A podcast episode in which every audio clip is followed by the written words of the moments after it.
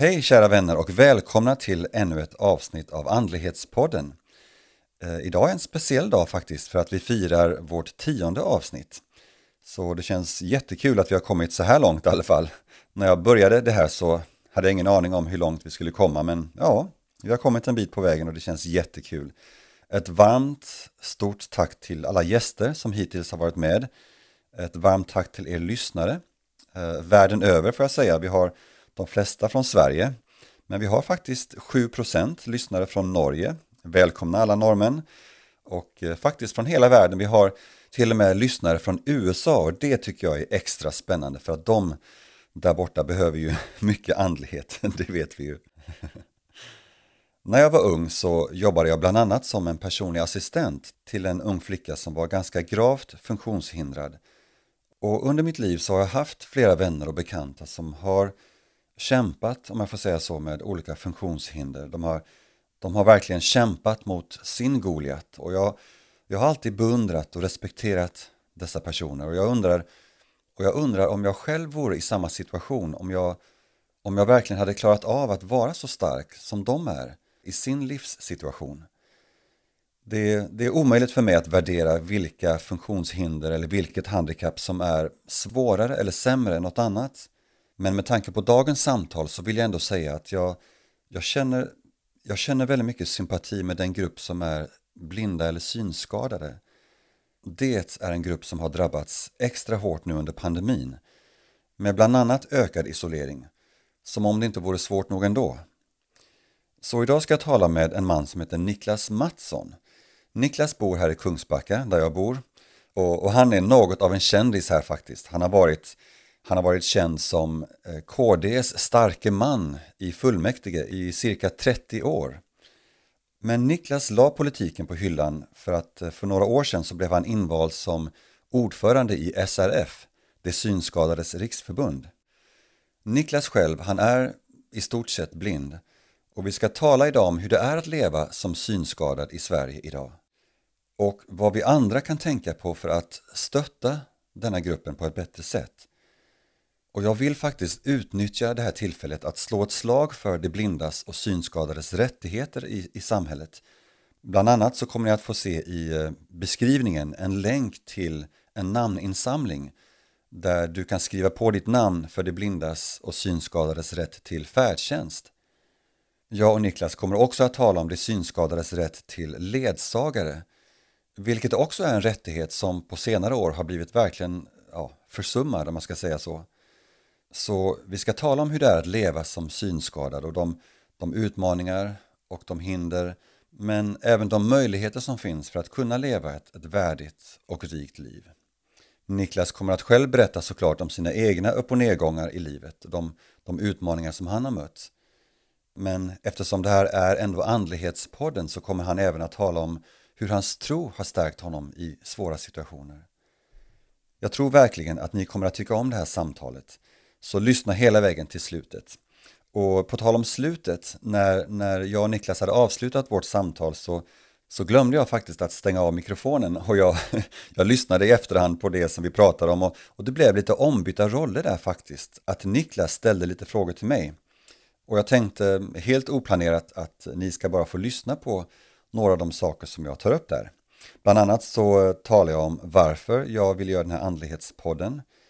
Eh, jag talar lite grann om min syn på Jesus och på treenighetsläran som är ett, ett känt begrepp inom kristendomen.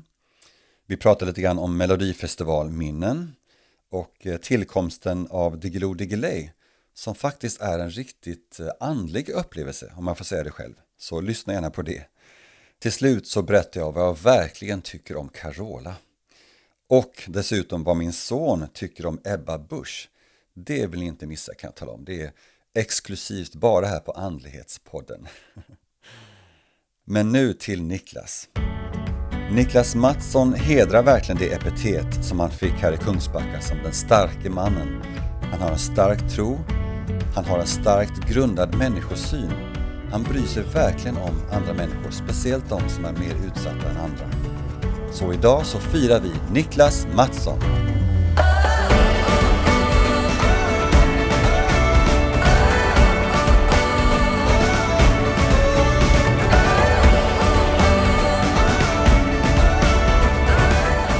Ja, då har vi glädjen att välkomna Niklas Mattsson till Andlighetspodden. Hej på dig!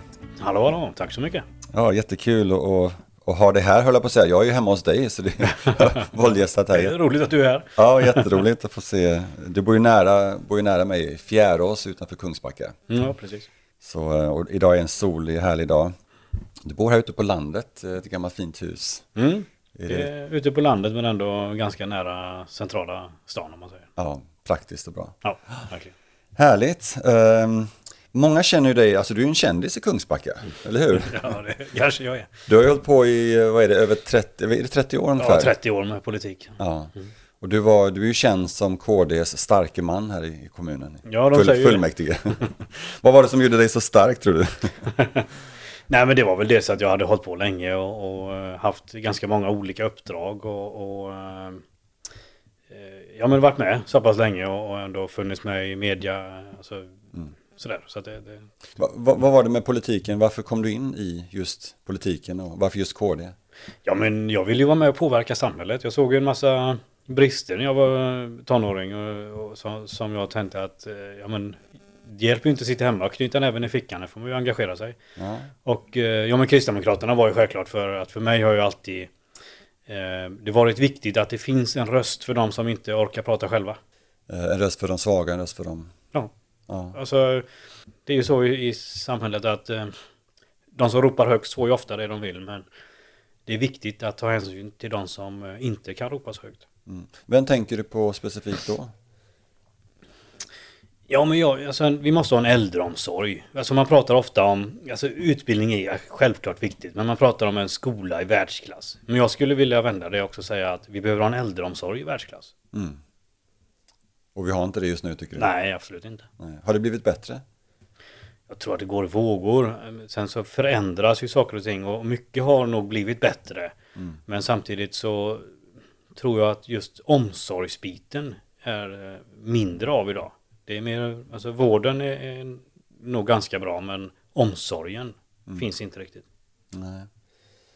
Jag sitter ju i en sits just nu när jag tänker på, på mina föräldrar som är, ja, mamma fyller ju, ja, när vi spelar in det här, hon fyller nästa vecka 88 år tror jag. Ah. Pappa fyller 92 i, i, um, i maj. Och um, jag ser ju det finns många bitar som, alltså vi, vi försöker att uh, finna ett boende till exempel för dem just nu. Mm. Um, och, extra stöd på något sätt. Men det har varit jättesvårt. Det är mycket byråkrati och mycket, många hinder att ta sig igenom. Mm. Bara för att få hjälp. Alltså de här vanliga, viktiga, praktiska bitarna. Ja, ja där finns mycket att göra och det finns eh, eh, alltså, att locka människor att vilja jobba med de frågorna är också viktigt. Mm. Är, det, är det för dålig status tycker du på, på de arbetena? Att arbeta inom äldrevården till exempel? Ja, det kan man nog säga att det är. Mm.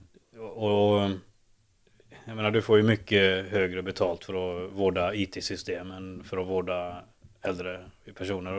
Mm. Det är klart att det handlar om utbildning och så, men, men det handlar också om en prioritering, en människosyn tror jag. Att vi, vi, behöver, vi behöver vrida om lite grann och, och visa att det är viktigt med omsorg. Ja, Ja, nej, men jag, jag, tycker om den biten, alltså det jag ska inte avslöja för mycket för mig personligen här vem jag röstar på, men jag, jag, jag har ju, eh, jag, det finns ju goda sidor hos alla partier, kan man, nästan alla partier. kan säga. Men jag, ser den här biten hos, eh, hos KD som jag verkligen tyckte om. Um, den här mänskliga biten, jag tycker om det. Jag tycker om att man, att man talar om människor hellre än program. Mm. Jag tycker om att man talar om familjer mm. hellre än bara uh, individens uh, rättigheter, även om det är jätteviktigt såklart. Men, men vi, vi, lever i ett sammanhang och familjen är så viktig för, mm. uh, ja, för mig är det den viktigaste grundpillaren i vårt samhälle. Ja, men sen är det ju också, um, eller som du säger, familjen och, och, att man finns i ett sammanhang. Jag tror det är otroligt viktigt och något som samhället saknar ganska mycket idag. Det pratas så väldigt mycket om att man ska vara stark och, och i sig själv och man ska mm. klara sig själv. Mm. Men vi människor är inte gjorda för det. Vi är gjorda för att finnas i en familj. Vi behöver både känna att vi eh, att vi behövs, men också känna att vi bidrar. Mm. Verkligen. Ja.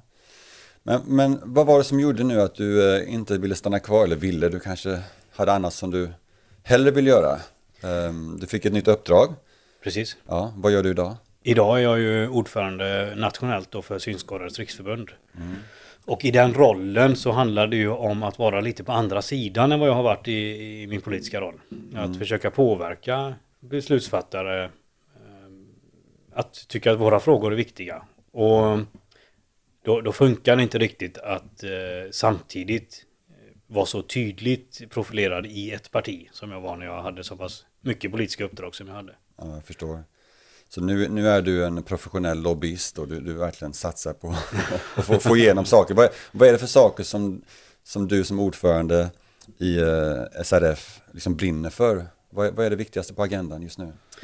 Det finns ju ganska mycket olika frågor som vi jobbar med men, men det som jag känner ändå viktigast eller som en av de viktigare frågorna det är ju det här med egen försörjning.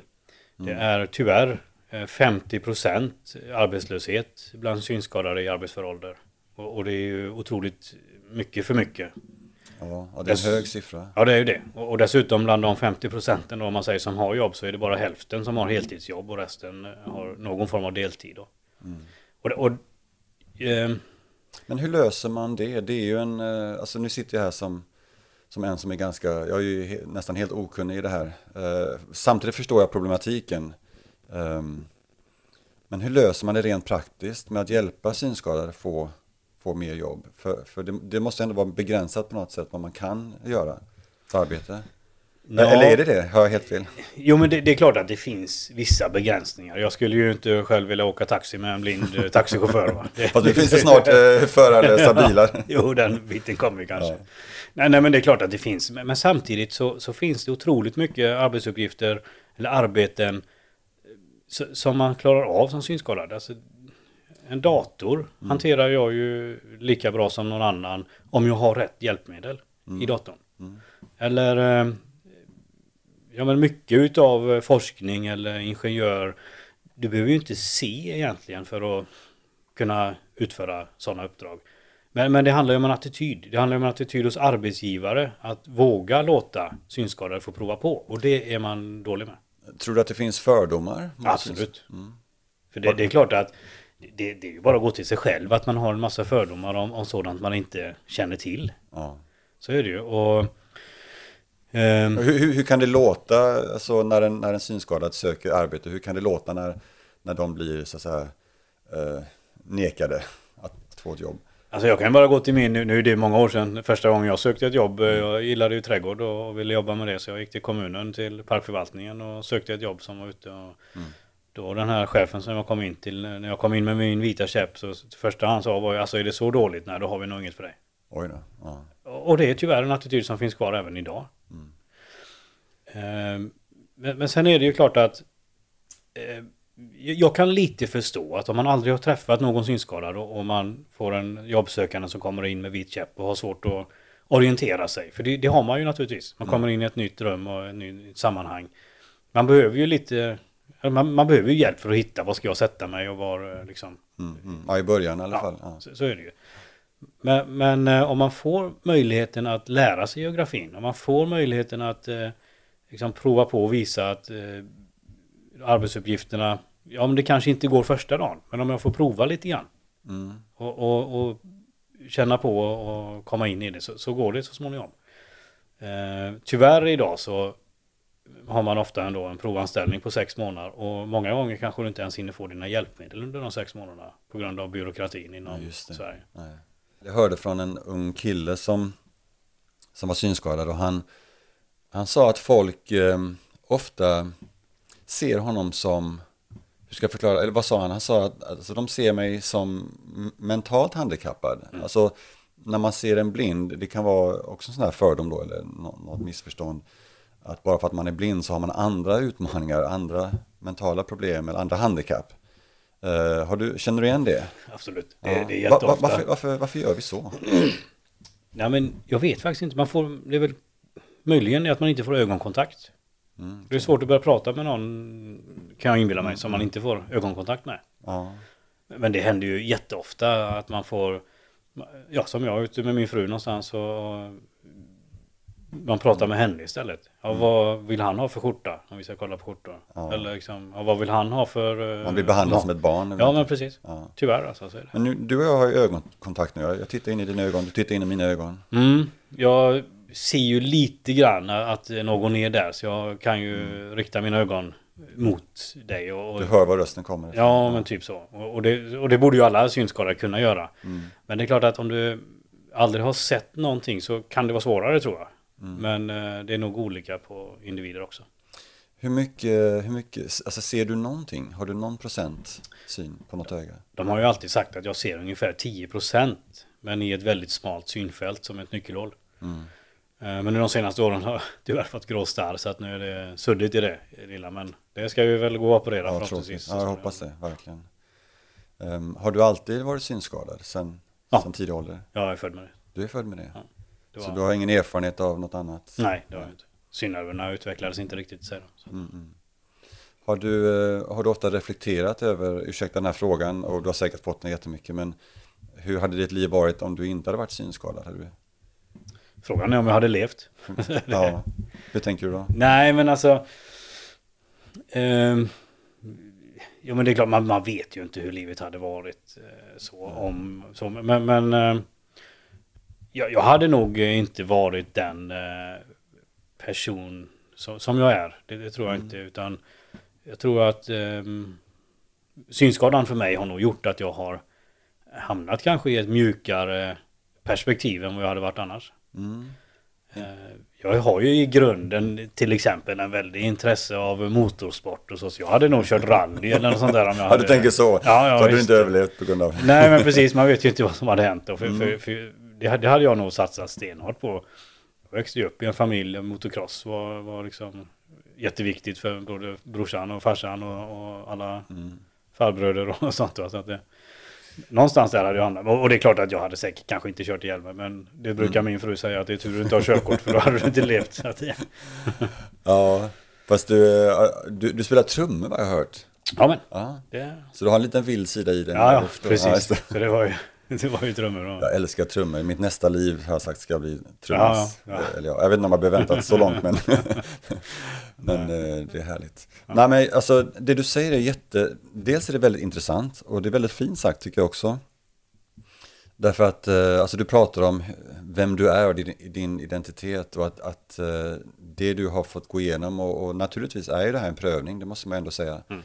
Att det då har format dig till, till den du är. Jag tycker det är så bra perspektiv på livet. Jag önskar att vi, önskar att jag och kanske många av oss som lyssnar på det här kunde, kunde tänka så mer.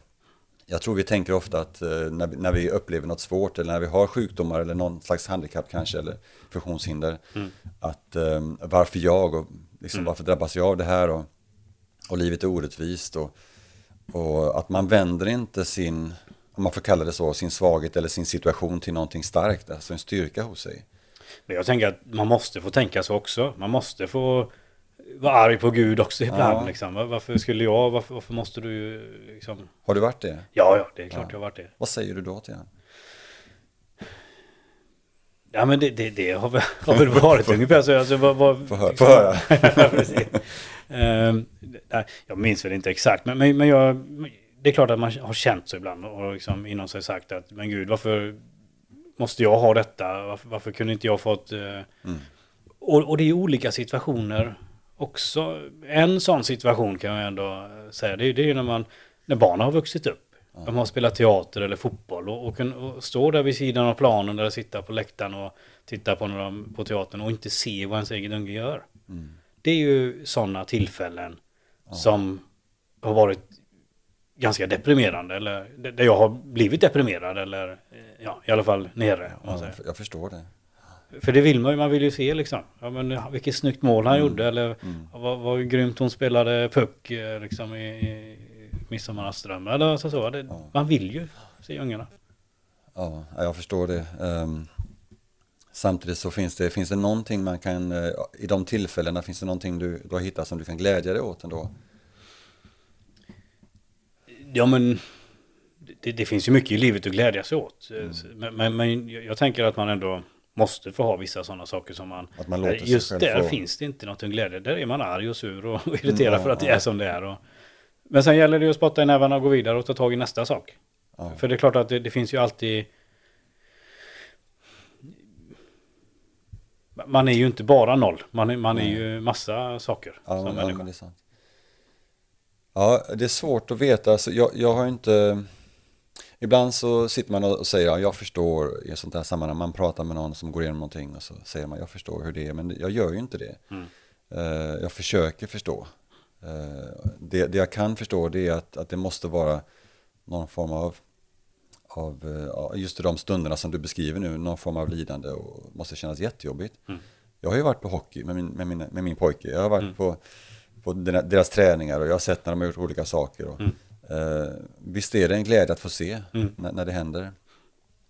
Men, men det gör ju inte att jag inte vill vara där. För det är klart att jag har ju alltid velat vara där och, och Ja. liksom... eh, Min fru har ju sagt att hon måste lyssna på Lasse Granqvist lite mer så hon läser och refererar vad som händer på planen. Han, han är bäst. Ja, han är ju det liksom. ja. Och hon har väl också lärt sig det lite grann och, och, och vara en syntolk för, för mig då om man säger så. Ja. Att, eh, Men, men med allt detta sagt, jag tycker ändå, det här menar jag som, som en ärlig komplimang till dig. Jag, jag, det, jag känner ju inte dig jättebra, men det lilla jag har sett av dig och hört av dig i media och läst, jag har läst en del artiklar du har skrivit. Och, alltså din syn på livet är ändå fantastisk. Jag måste säga det, att, att du försöker ändå eh, i allt detta mörka, i det svåra som vi alla upplever i livet. Du har naturligtvis din beskärda del av detta. Mm. Eh, men att du ändå försöker se det ljusa och, och, ja, och du förstår ändå att det som du har varit med om, det är liksom en, en del av dig och har format dig som människa. Mm. Ehm, Sen det, säger jag inte att, eh, alltså jag hade gärna velat vara med om ett under och, och kunna börja se. Va? Det, det, det är ju det man, eller det jag så att säga, drömmer om eller skulle Man vet aldrig. Nej, Man man, vet aldrig. man vet aldrig det. jag tror på underverk. Ja, men det, det gör jag med. Och Ja. det ska jag ändå också vara tydlig med att eh, min tro har, har ju burit mig i de här situationerna. Det, det, så är det ju. Ja, du är, hur är det med din tro? Är, du är troende eller? Är du religiös? Eh, Ja, alltså går du till kyrkan eller? Så jag tycker väl egentligen, alltså religiös är ett sånt där knepigt ord, men, Ja, men jag kallar mig hellre för troende. Ja. För, jag tror ju på Jesus. Det, Mm. jag, Är du uppvuxen i någon kyrka? också? Nej. jag blev eh, frälst när jag konfirmerade mig när jag var 14. Okej. Men är det, är det Svenska kyrkan som du? Ja, det har det varit eh, Ja. för min del. Sen, Mm. sen har jag väl varit ganska öppen för frikyrkor med Pingstkyrkan eller andra saker. också. Men eh, Ja. det har varit Svenska kyrkan som vi har varit, eh, Mm. det har varit vårt sammanhang om man säger. Ja, ja men underbart. Ehm, är du engagerad mycket idag kyrkligt eller? Nej, tyvärr inte så mycket idag. Mm. Ehm, dels hänger det väl ihop med att eh, jag numera Ja, det är veckorna mer man är i Stockholm Mm. och, och sådär och helgen är rätt gott och inte Ja. iväg. Men samtidigt så letar vi efter ett sammanhang där vi kan eh, trivas och, och känna oss hemma idag också. Så Mm, att, mm. det, det, Ja. det gör vi. Jag vet en väldigt bra kyrka i Kungsbacka. Ja, du gör det? Ja, ja Ja. absolut. Mig det.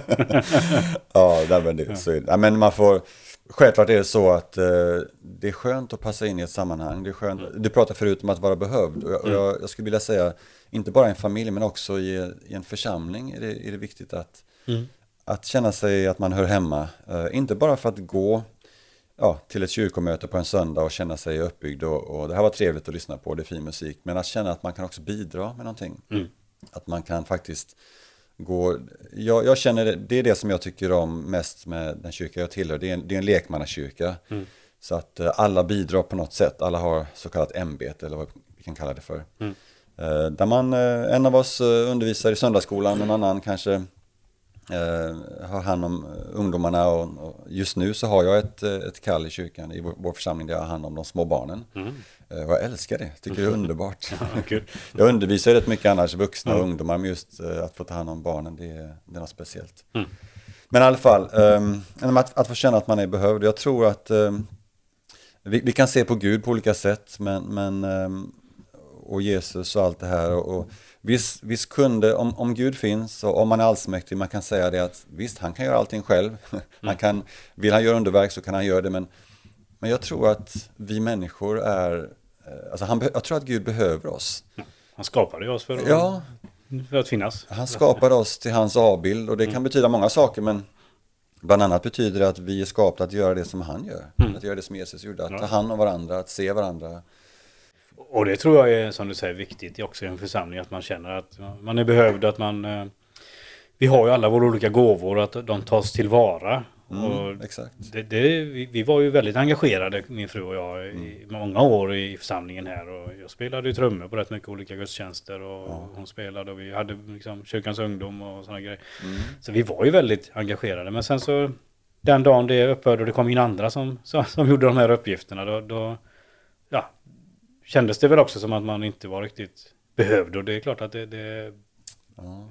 ja, jag vet inte, men det, det ligger ju både på, på oss och på församlingen naturligtvis. Ja. Att, Men du är inte, du är inte bitter på något sätt så? Eller det, eller nej, alltså det... Det, det, jag, jag ser- en liten, liten sån där, att det är lite besvikenhet kanske. Ja, men det, är klart. Det, det kan ju, det, finns det ju naturligtvis. Mm. Att, eh, och jag tror att det kan vara en sak för, för alla kyrkor egentligen att om man har människor som är väldigt aktiva och som plötsligt inte är det längre. Att åtminstone ställa frågan till dem. Varför? Mm. Det tror jag många kyrkor brister i och det, det är väl det jag kan känna. Ja, att, eh, var är du och vi behöver Ja. dig. Precis. Inte bara säga varför kommer ni inte på gudstjänsten på söndag? Mm. Alltså, alltså utan mer är det något som, vi, som har hänt? Jag, jag, jag tror att man skulle, kyrkorna skulle tjäna på det och människorna Ja. skulle tjäna på det. Ja, men jag, jag hör vad du säger och jag ska, jag ska själv eh, ta till mig det du säger. Men sen ska man inte gå omkring och vara bitter. Det, det nej, hjälper nej, nej, och, det, och det, det känner jag inte från dig heller, men, men det var men bara intressant. Det, Mm. det, jag tycker om det du säger.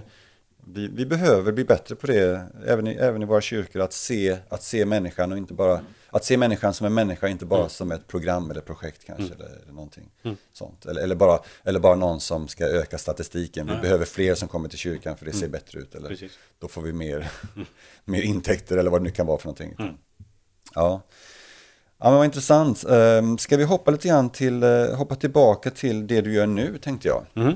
För det är ju det är jätteviktiga saker som du gör inom eh, de synskadades riksförbund. Som ordförande där. Eh, du var med i tv nyligen, i, i TV4s mm. Nyhetsmorgon. Precis. Där ni talar om, om några saker, bland annat eh, om, om färdtjänst. Precis. Ja. Och, och så vad, vad händer där med färdtjänsten just nu? Ja, alltså vi har ju haft ett system i Sverige där synskadade har kunnat få färdtjänst i, i ganska många år. Det, det är ju ja, sedan 60-talet typ. Så, ja, men nu märker vi att eh, fler och fler eh, synskadade nekas. Alltså när man eh, ska förnya sin tillstånd så dras de in eller man ska söka för första gången att man nekas att få färdtjänst. Och och det är ju ett stort problem för eh, färdtjänsten är ju en väldigt viktig frihetsfaktor. Ja, Man kan inte gå överallt för man hittar inte. Man kan inte ta cykeln som andra kan göra för, för man kan inte cykla nej. i trafiken när man inte ser.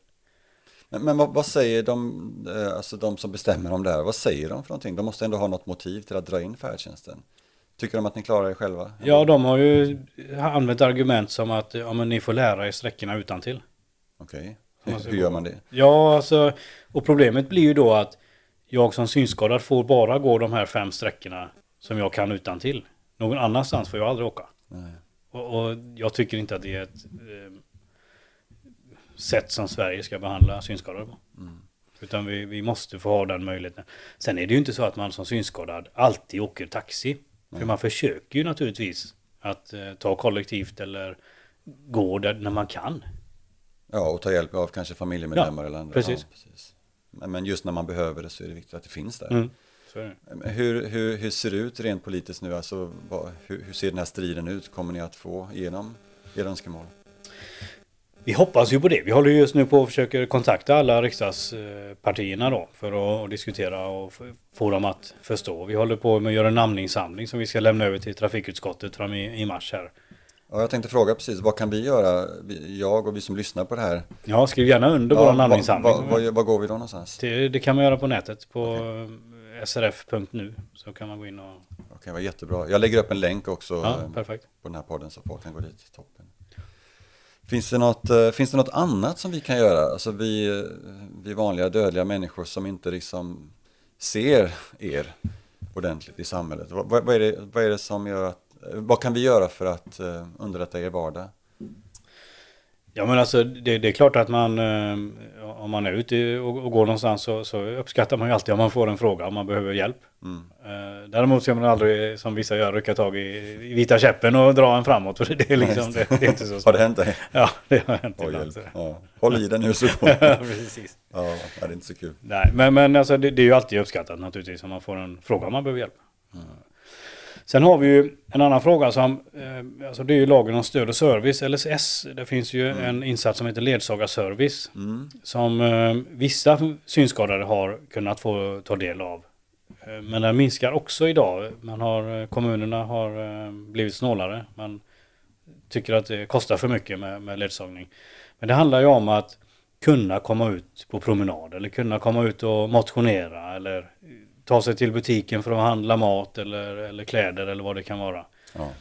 Eh, sen är det ju inte alla som har fått del av den, men, men det har varit ett antal av de som har haft eh, svårt att, att ta sig själva eller svårt och, och så. Men det har minskat med, med alltså på tio år så har antalet, är antalet mindre än hälften som får ledsagning idag. Det är också en sån fråga som vi driver mm. ganska mycket nu, försöker påverka partierna då, och, och, ändra i lagtexten. Mm. Man kan till exempel få argument som att ja, men du har ju en motionscykel hemma så du behöver inte komma ut och gå. Ja men hjälp. Ja alltså det, det är helt horribelt va. Ja. Eller ja men ja, du, du kan eh, du, du har ju en yogamatta så du kan göra yoga. Du behöver inte komma ut på Alltså det, det är okay, ja, sådana konstiga ja, argument. Visst, som... visst kan man göra yoga men det, det, kan man inte göra hela tiden. Nej precis. Jag har ju en, jag har ju en kille på, eller vi hade en kille ska vi säga på gymmet där jag går som är synskadad. Och eh, han kommer inte så mycket längre för att, eh, inte för att han inte vill, för att han älskar att vara på gymmet och han mm. behöver det och komma ut och träna. Mm. Men eh, han, han har ingen ledsagare längre. Nej. Så att jag lider jättemycket med honom. Det är fruktansvärt. Mm. Och, och, då tänker jag så här, som politiker i så många år som jag har varit så, så har jag ju alltid fått höra att hälsan är viktig. Mm.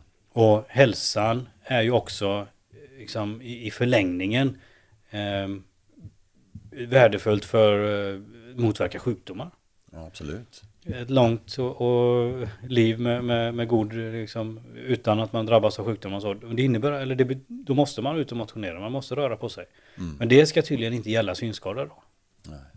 Jag, jag, jag, hörde någonting, var det du som sa det kanske, eh, vid något tillfälle att eh, någon hade sagt du behöver inte ledsagare på allmänna platser, du har ju blöja. Stämmer det? Ja, det har också någon fått som argument. Ja, ja. Att man kan sätta på sig blöja då när man ska vara ute. Vad svarar man på det? Det går inte ens att svara på. Nej. Alltså det är ju sån fruktansvärd människosyn. Mm. Uh, mm. Ja, ja, jag, jag, är ledsen, jag, jag, är ledsen för att, du, att, att man kan få höra sånt. Mm. Jag, jag, jag, läste en, en dikt jag hittade på nätet. Det är en, en ung kvinna som är synskadad. Eh, Desideria heter hon. Desideria Jungelin. Mm. Hon var med i en eh, skrivartävling som heter Skriv loss.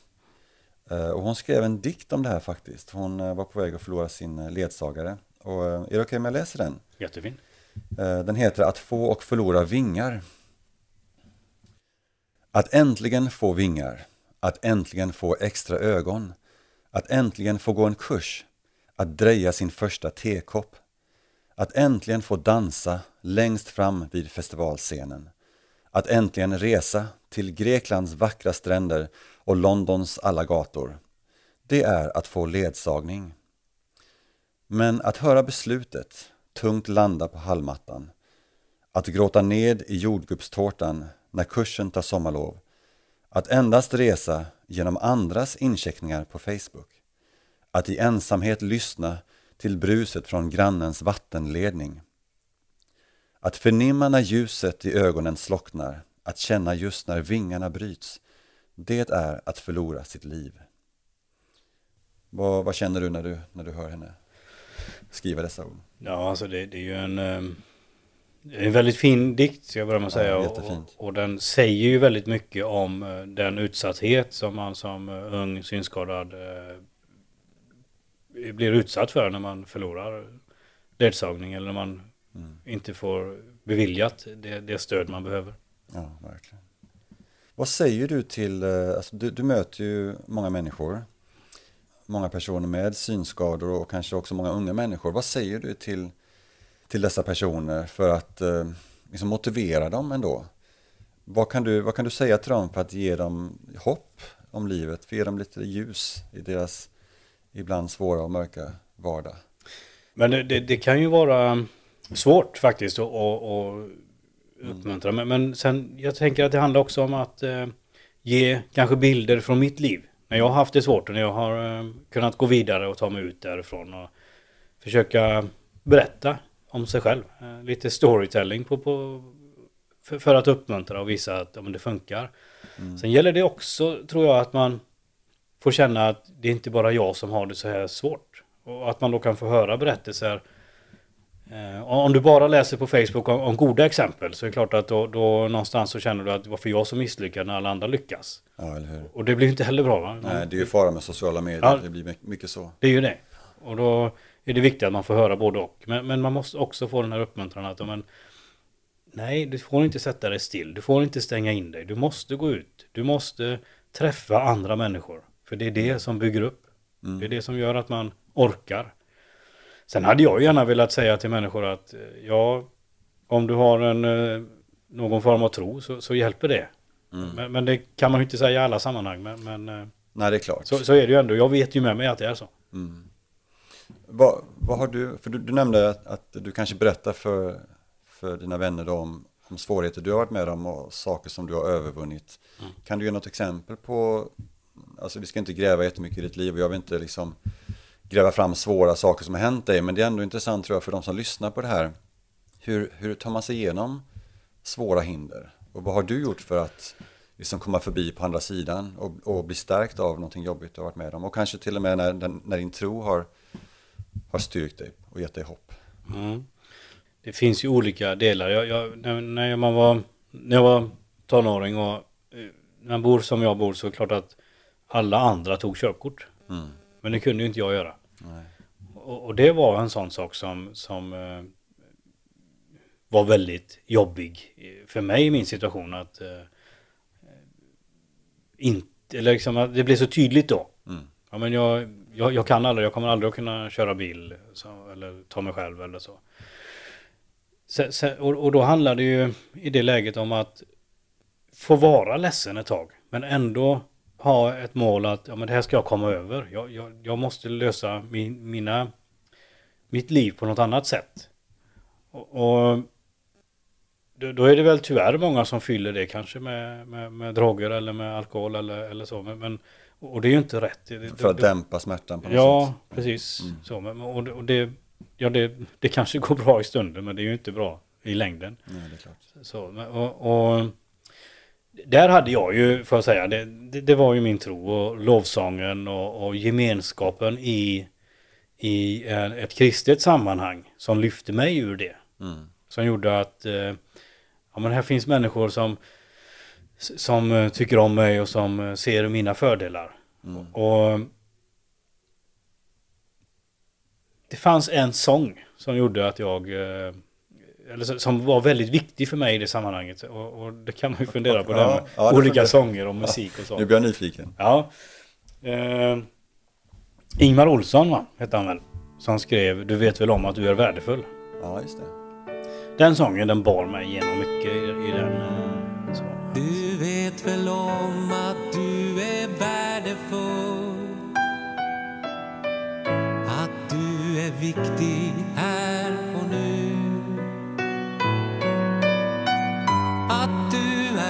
älskad för din egen skull.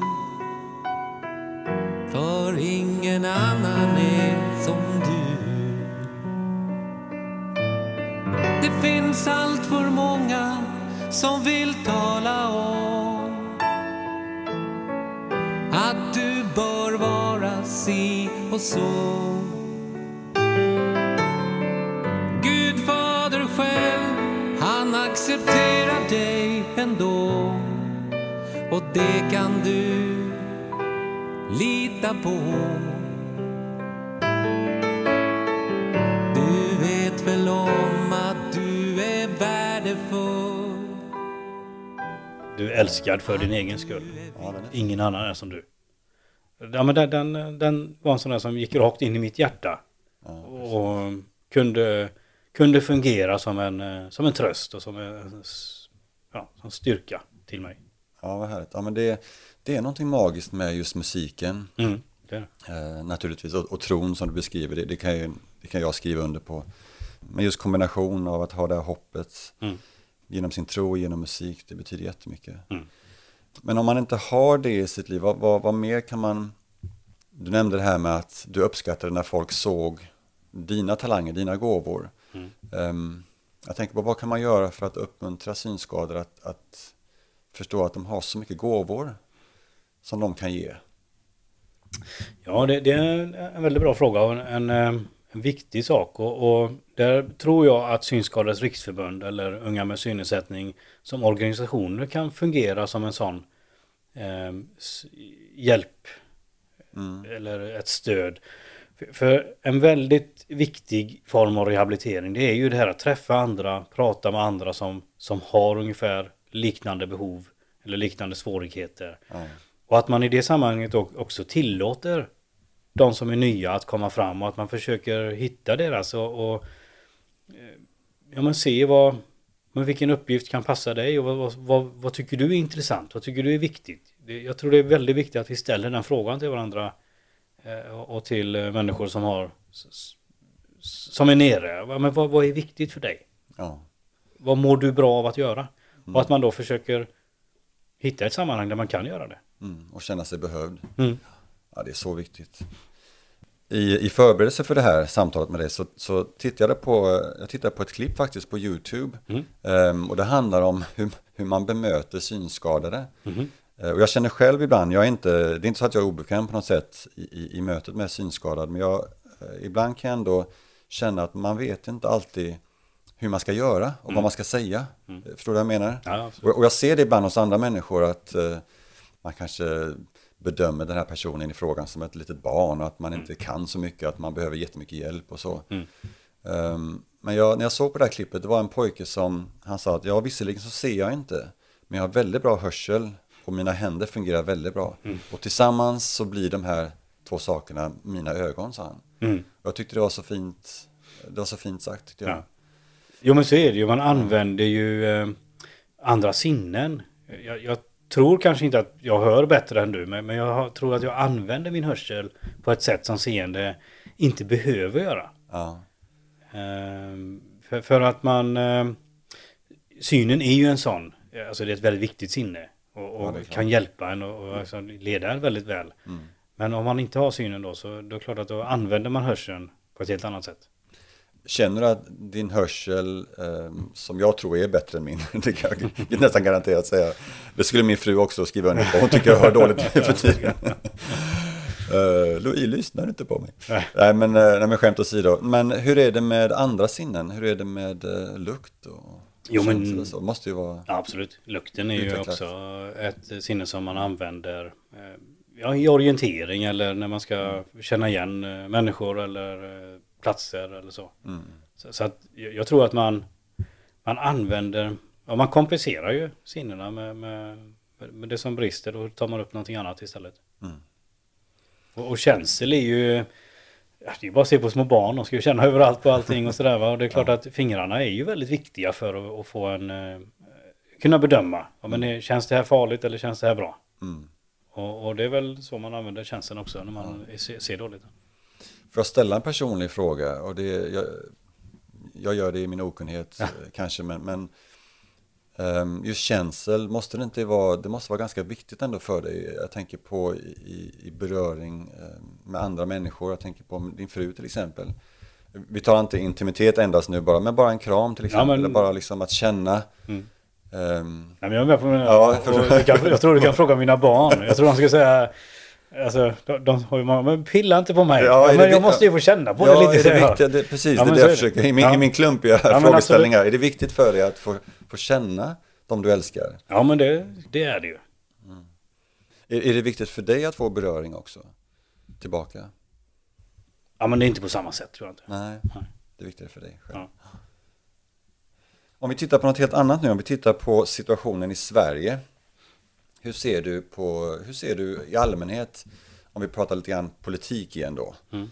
Hur ser du situationen, vår framtid? Eh, vad, vad är vi någonstans om 10-20 år i vårt land? Ja, det, det är en intressant fråga. Ja. Som- Det är två- två delar då, dels, dels som land, som nation, som samhälle, men dels också för de synskadade. Vad, vad tror du Mm. ligger framför oss? Om vi börjar med det senare då så tror jag tyvärr att eh, vårt samhälle...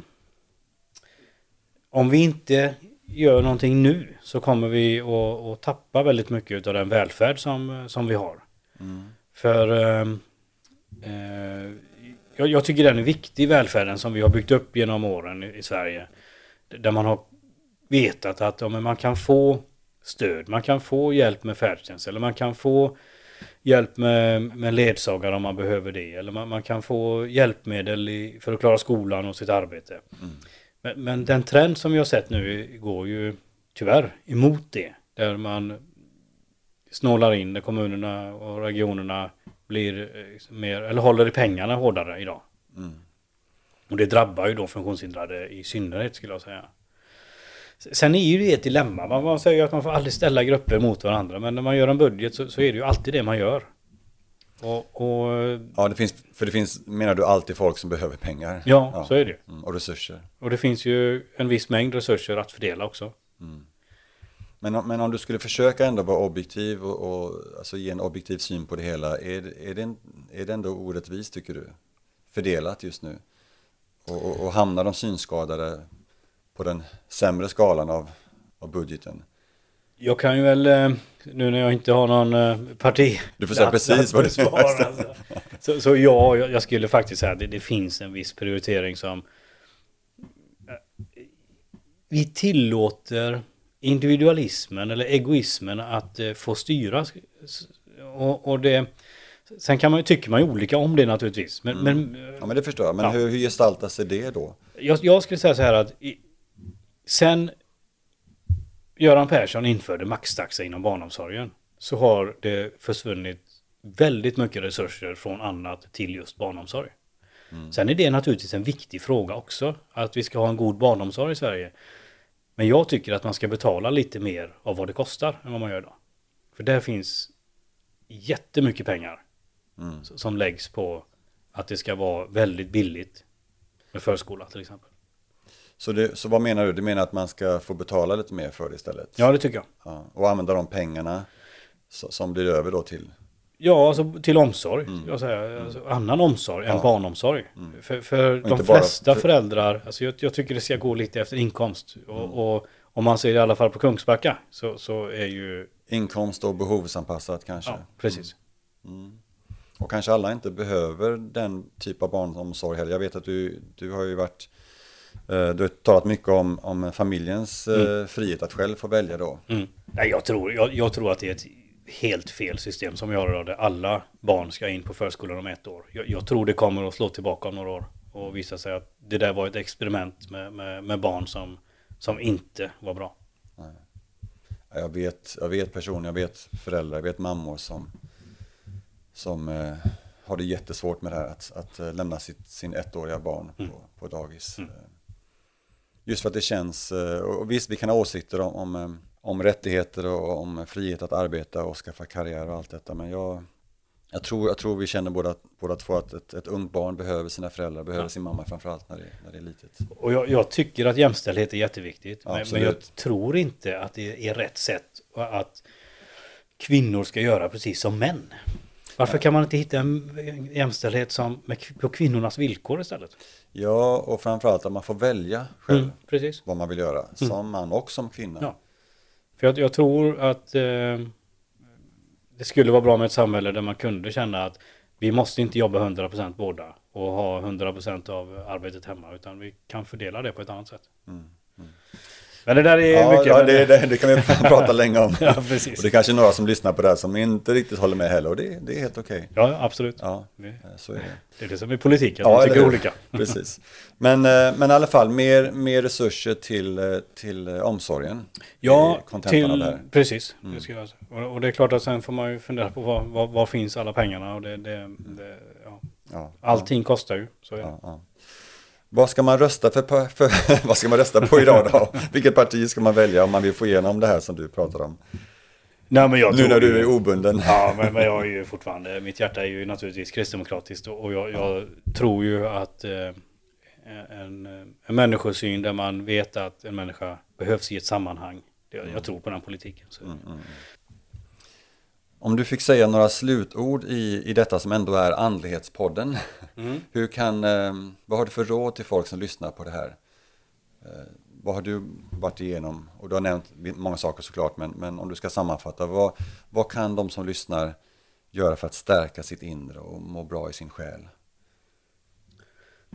Alltså det enkla då, svaret på, på det som jag vill skicka med, det, det är ju egentligen den gyllene regeln. Mm. Bete dig mot andra så som du vill bli bemött. Mm. Det används ju kanske lite slentrianmässigt ibland, men, men jag tror att det är faktiskt väldigt viktigt och det är väldigt viktiga ord och för min del då så kommer de från, från Jesus som är min eh, liksom, tros eh, viktigaste. Eller Ja, så. ja. Att genom att ge kärlek, genom att lyfta andra så mår man bättre själv också. Och det tror jag är, är betydelsen utav det. Att, eh, ja, men för att vi ska ha ett bra samhälle, för att vi ska må bra, för att vi, vi ska ha Ja, för att vi ska kunna leva ordentligt så, så handlar det om att lyfta varandra, se till att be, bemöta andra på ett bra sätt, på ett mjukt sätt. Jag, jag tror mycket på det. Ja. Och jag tror också att för mig så har, så har min tro betytt väldigt mycket. Och leta efter en tro. Jag tror det är viktigt. Niklas Mattsson, jätteroligt, jättefint att få sitta ner med dig och få, få höra vad du har att säga. Uppskattar dina ord och lycka till nu i framtiden. Ja men tack så Vi ska, mycket. vi, ska, vi ska hålla på det och vi lägger upp lite länkar här under vad vi kan göra för att stötta och, Mm. och, och eh, vi håller tummarna. Fantastiskt. Så, så, så syns vi snart igen hoppas jag. Ja men det hoppas jag också. Det var ett jättetrevligt samtal. Härligt. Tackar. Ha det gott, hej. Hej.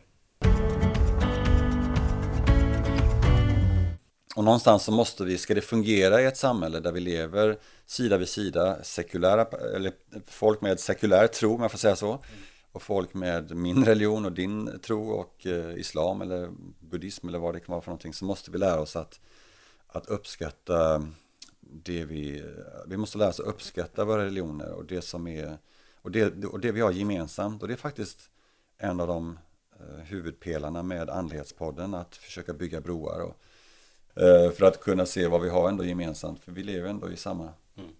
samma värld. Mm. Men jag tror på eh, det du säger, kärleken eh, är ju huvudbudskapet, det är ju så. Gör mot andra som du vill att eh, de ska göra mot dig. Mm. Och, och det är därför jag följer Jesus också, så är det ju. Ja, för Jesus är väl ganska väsentlig även i eh, Ja, absolut. Ja, men han är ju, vår kyrka heter ju Jesu Kristi kyrka av Sista Ja, dagars det. heliga. Ja. Eh, Mormonkyrkan är ett, ett smeknamn. Men, eh, men han, han är centrum. Han är... Sen har vi, vi avviker väl lite grann i några doktrinära punkter. Mm. Självklart så ser vi som du ser, jag är säker på, jag menar, Gud eh, som allsmäktig och hans son Jesus Kristus, världens frälsare, Mm. allt det här. Eh, Men sen så har vi kanske en annan syn på det här med Guds natur. Vi delar inte riktigt treenighetsläran. Eh, Vi ser, vi ser inte Gud som, många kristna ser det kanske lite olika, men, men det här med att Gud är ett mysterium på det sättet eh, som treenighetsläran lär, det, det tror inte vi. Vi tror att han är en, alltså en verklig person, um, fullkomlig, ja, um, allsmäktig och, allvetande och allt det här, men ändå en person Mm. ehm, som man kan ta på. Vi är skapta i hans avbild. Vi ser ut som han, han är inte någon mystisk kraft. Jag vet att många vill se Gud som en, att han finns där ute bara i, eh, i naturen kanske, eller i vinden, i vattnet. ehm, som, en, som en viskning, men vi ser Gud som en verklig, verklig person. ehm, en förhärligad person såklart. Mm. Mer än vad vi är, men, men att vi kan kommunicera med honom och att han Ja, jag tänker på Jesus som bad till Gud. Mm. Han bad inte till sig själv. Nej, han bad nej. till sin fader. Ja. Som var en verklig individ som älskade honom, som brydde sig om honom, som såg honom. Mm. Han var med honom i allting. Eh, Det är så vi ser Gud, att han är, han är närvarande ge- genom sin ande såklart, men att han är ändå verklig.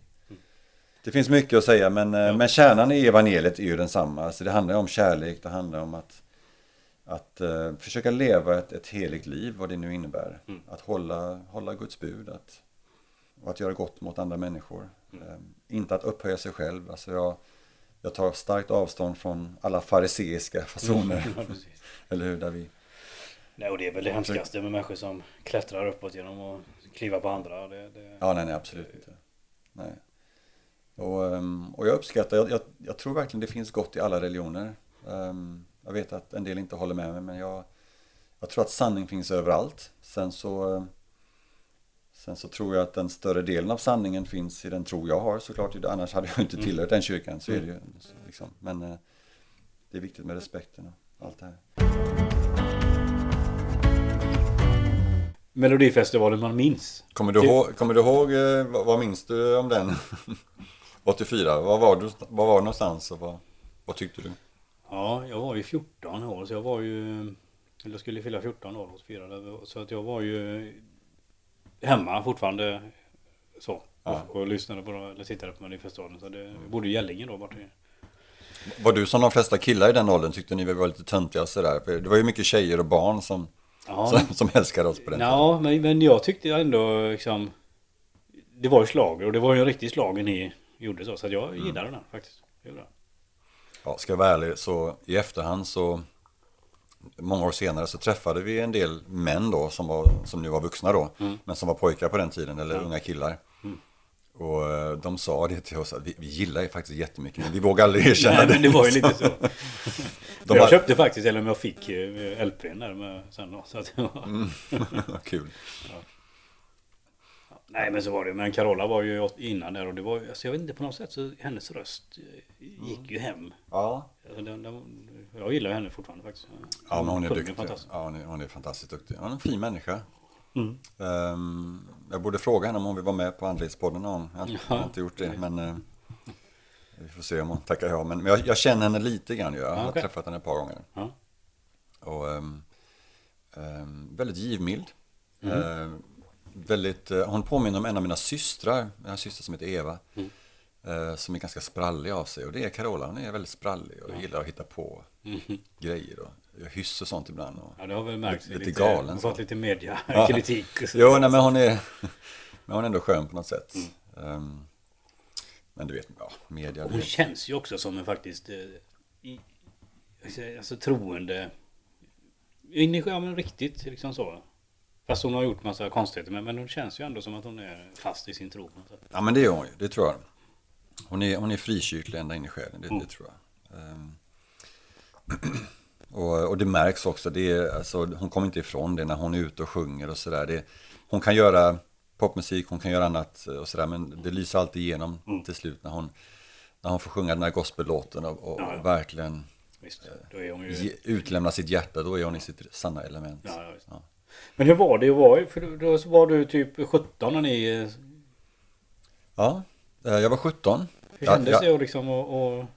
Ni blev ju rätt stora över en, över natt egentligen. Ja, alltså vi hade, ja det är sant, det blev vi, men vi hade jobbat många år på, på att bli stora, höll på att säga. In- Inte för sakens skull, men, men, äh, men äh, vi hade jobbat många år att bli artister. Okej. Vi hade, ända sedan jag, oj förlåt, den här kakan var god, den satt i halsen här. Um, ända sedan vi var små, jag var 6-7 år, så började vi med att sjunga, jag och mina bröder. Vi hade en syster på den tiden också som var med och sjöng. Och vi hade, vi hade ett ridläger uppe i Strömstad eh, som heter Ranchen. Och det fanns en restaurang där, så det var de första ställena vi... Jag, jag klängde på mig en el, elbas som var dubbelt så stor som jag var. Rickard spelade trummor tror jag. Eh, lite sådär, vi var inga experter någon av oss. Men, men Per spelade gitarr och Marie då på, på pianot och så, så sjöng vi gamla 50-talslåtar. Och det var så det började. Nej, men vi gjorde talangshower och vi, vi tränade mycket sång och mycket dans. Eh, Jag vet när jag var åtta år så började vi gå på dansskolor. Och, eh, alltså, Men bodde ni i Utah då? Eller? Nej, vi bodde i, nej, vi bodde i, i Göteborg. Ja, okej. Så, ehm, så, så, så var vi i, i Los Angeles sen i några år. eh, Från det att jag var 14 till 17 år. Ja, okej. Då fick vi stipendiat på dansskolor och lite sånt där. Ja, ja. Så vi åkte dit för att utbilda oss inom showbusiness då. Så vi jobbade stenhårt jättemånga år. Eh, och, och, och fick ju vår stora break då genom eh, Bert Karlsson som ringde och Mm. ja killar ska ni inte komma Han hade en låt som hette ehm, vad hette den? Albatross som han ville att vi skulle sjunga. Eh, och det här var en sång som Vikingarna gjorde senare. Vi tyckte inte om den sången. Den gick så här. Åh albatross, Sprid dina vingar. Alltså en riktigt så här seg. jag vet inte vad han såg i den, men han, ty- han trodde vi skulle vinna med den. Men vi sa nej till den och så skrevs ju Diggiloo då istället. Torgny Söderberg skrev den åt oss. Okej. Och Britt Lindeborg skrev texten till den. Ehm, men när vi hörde den sången, då var det som om att, eh, ja, this is it. Vi, det kände, vi kände det i hjärteroten att det här kommer gå bra. Ja. Och the rest is history som de Ja, säger. Så, ehm, ja, men det, det var en andlig upplevelse bara innan jag, innan, eh, innan jag tackar för teet här. Och jag, jag lämnar det så, så kan jag nämna att um, Torgny som skrev låten, Mm. han, ehm, äh, Per var med honom, um, storebror Per var där Mm. i studion när Torgny skrev musiken. Och Torgny han komponerade ihop en vers och sen en refräng. Men det var inte den refrängen som du känner och som vi känner idag, utan det var Låten har ett stick på slutet. Eh, Det var en önskade men jag måste medge. Det var refrängen på Diggiloo. Okej. Eh, och, och när låten var färdig så Per han gick fram till Torgny och han sa hmm, Det låter jättebra alltihopa men det låter som refrängdelen passar bättre som ett stick istället. Eh, kan du inte fundera lite grann på mer, liksom, en, en annan refräng kanske? Och Torgny han lyssnade på det och han, han satte sig ner vid pianot. Och jag vet inte hur lång tid det tog men, men Per var där i alla fall och han beskrev liksom förloppet och han sa att Torgny, att någonting hände med Torgny. Att det var ungefär som att han blev upplyst på något sätt. och han bara sträckte på sig och började spela och sjunga refrängen då som, som vi känner idag då. Han hade ingen text men han bara, men melodin kom till honom bara sådär, eh, från ovan på något sätt. Och Torgny som inte är en religiös man alls, men han ställde sig upp vid pianot, knäppte händerna, tittade upp mot himlen och sa Tack gode gud! så, eh, så även Diggiloo Diggiley var en andlig upplevelse på något sätt. Och det var rätt kul att höra. Ja. Jag önskar att jag hade varit där då. Ja, ja, precis. Och sen spelade ni faktiskt en gång eh, på ett jubileum som Kristdemokraterna hade. Jaha. Blå hallen i Stockholm. Ja men, det, ja, men just det, det minns jag. Det minns Ja. jag. Du, jag måste fråga dig en sista sak. Jag glömde fråga förut. Eh, Ebba Busch, är hon singel fortfarande eller? Jag har ingen aning. För orsaken jag frågade, min son Johannes, han, han, han, han är ju så kär i henne alltså. Han, är, ja, han älskar Ebba. Han, liksom, han har inte planscher på henne på rummet, men om det fanns planscher så hade han haft det säkert. Han är visserligen tio år yngre än henne tror jag, något sånt. Men, eh, men han sa det till mig, pappa om du, om du pratar med Niklas, om Niklas känner Ebba, be och hälsa till Ebba från mig. ja.